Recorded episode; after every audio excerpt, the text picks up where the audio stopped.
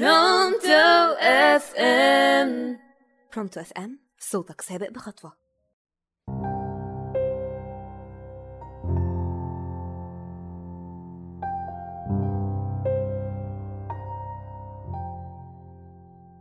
يا مساء الفل. عارف النصاب أو المحتال إمتى بيعرف ينصب عليك ويحقق هدفه ويستغلك؟ حاجة واحدة بس بيعملها معاك. حكايتنا النهاردة ظريفة لطيفة خفيفة ونهايتها غريبة مش متوقعة. معكم منى نافع مملكة القصص. وتبدأ حكايتنا بالتاجر المحتال صاحب الحمار. كان يا مكان في يوم من الأيام راح التاجر المحتال يبيع الحمار في السوق. بس قبل ما يروح السوق يبيع الحمار حط في مؤخرة الحمار دهب علشان كل ما ينحق ينزل دهب وبالفعل راح السوق وعرضوا الحمار وأول ما الحمار نهق نزل دهب اجتمعت الناس واستغربت. وكان في تاجر غني جدا قرر إنه يشتري الحمار وبالفعل اشترى الحمار. وأول ما روح البيت استنى بعد ما نهق الحمار إن الدهب ينزل ما نزلش أي دهب عرف إن التاجر اللي باع له الحمار كان محتال ونصاب. لم الناس ولم التجار وراحوا له البيت. لقوا مراته قاعدة. قالوا لها فين جوزك؟ المحتال النصاب. قالت لهم والله جوزي مش هنا بس الكلب بتاعه أهو. بيخرج وبيجيبه. قالوا لها الكلب بيروح يجيبه. إزاي؟ قالت لهم هو الكلب كده بيعرف صاحبه وبيروح يناديله وبالفعل طلع الكلب وشوية ورجع النصاب المحتال مع الكلب. الناس دي كلها نست حكاية الحمار واللي هم جايين عشانه وبقوا مركزين في الكلب. إزاي الكلب ده قدر يجيب صاحبه وسألوا صاحبه إيه حكاية الكلب؟ قال لهم والله الكلب ده ذكي جدا بيعرف صاحبه وبيجيبه. واحد من اللي واقفين طمع وقال له أنا هشتري الكلب. وفعلا باعهوله بأغلى الأسعار. وخد الكلب وروح البيت وقال لمراته الكلب ده بيعرف يجيبني. أول ما يجيلي ضيف وأنا بره ابعتيه وهو هيجيبني. وحصل الموضوع ده وبعتت مراته الكلب عشان يجيبه وما جابهوش. ولا الكلب كمان رجع. وقتها عرف الراجل إنه اتنصب عليه. لم بعض التجار وراحوا للنصاب المحتال اللي نصب عليهم وباع لهم الكلب. لقوا مراته قاعدة وهو مش موجود في البيت. قالوا لها فين جوزك المحتال النصاب؟ قالت لهم والله جوزي مش هنا. حتى الكلب بتاعه اللي كان بيجيبه مش هنا.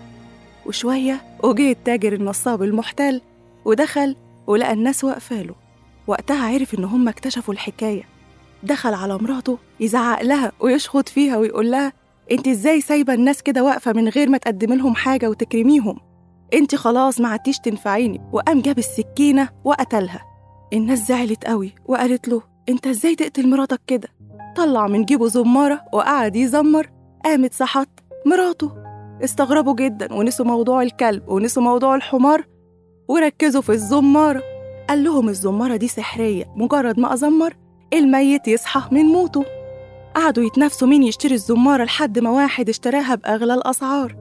وبالفعل راح وقتل مراته وجه يزمر مراته ما صحتش ولا قامت تاني يوم تاجر بيسأله إيه حكاية الزمارة؟ قال له لأ تمام. اتكسف يقول له كسف يقول له إنه قتل مراته ومراته ما صحتش وخاف جدا.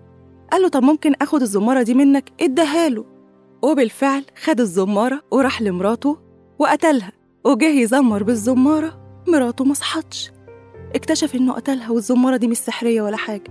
والتالت والرابع والخامس لحد ما كل واحد في القرية قتل مراته. وقتها الموضوع انكشف. قرروا يروحوا للمحتال وياخدوه في شوال وياخدوه يرموه في البحر لأنه كده قتل كل ستات القرية.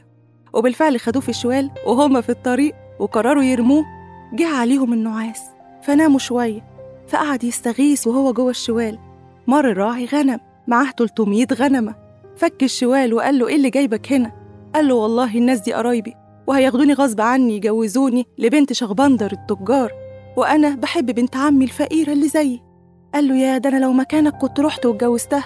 قال له تعالى أما أحطك مكاني وروح اتجوزها بدالي. وبالفعل حطوا الراعي فكانوا وهو أخد ال 300 غنمة وراح القرية. وهم صحوا من النوم وخدوا الشوال ورموه في البحر. رجعوا القرية لقوا المحتال والنصاب معاه 300 غنمة. استغربوا جدا وقالوا له إزاي عملت كده؟ إحنا لسه راميينك في المية. قال لهم إنتوا لما رميتوني في المية طلعت لي الجنية بتاعت المية وقالت لي شبيك لبيك إنت تؤمر بإيه؟ قال لها أنا نفسي في 300 غنمة وادتني 300 غنمة.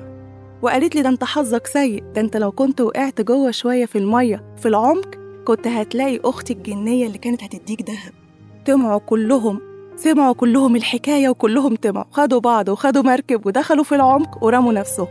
وماتوا كلهم. وأصبح هو سيد القرية واللي عليها. وبقى أغنى أغنياء القرية. عرفت بقى النصاب إزاي بيحقق هدفه معاك؟ هو لازم يطمعك ويغريك عشان يوقعك في الفخ. خلي بالك اوعى حد يخدعك. فعلا القناعة كنز والكنز الحقيقي في الرضا باللي ربنا كاتبه لنا واللي قاسمه لنا. وبكده تكون خلصت حكايتنا. ولسه في حكايات كتيرة وعبر كتير. تابعوني على قناتي على اليوتيوب منى نافع مملكة القصص أو على صفحتي على فيسبوك منى نافع مملكة القصص أو من خلال صفحة البرنامج راديو Pronto FM.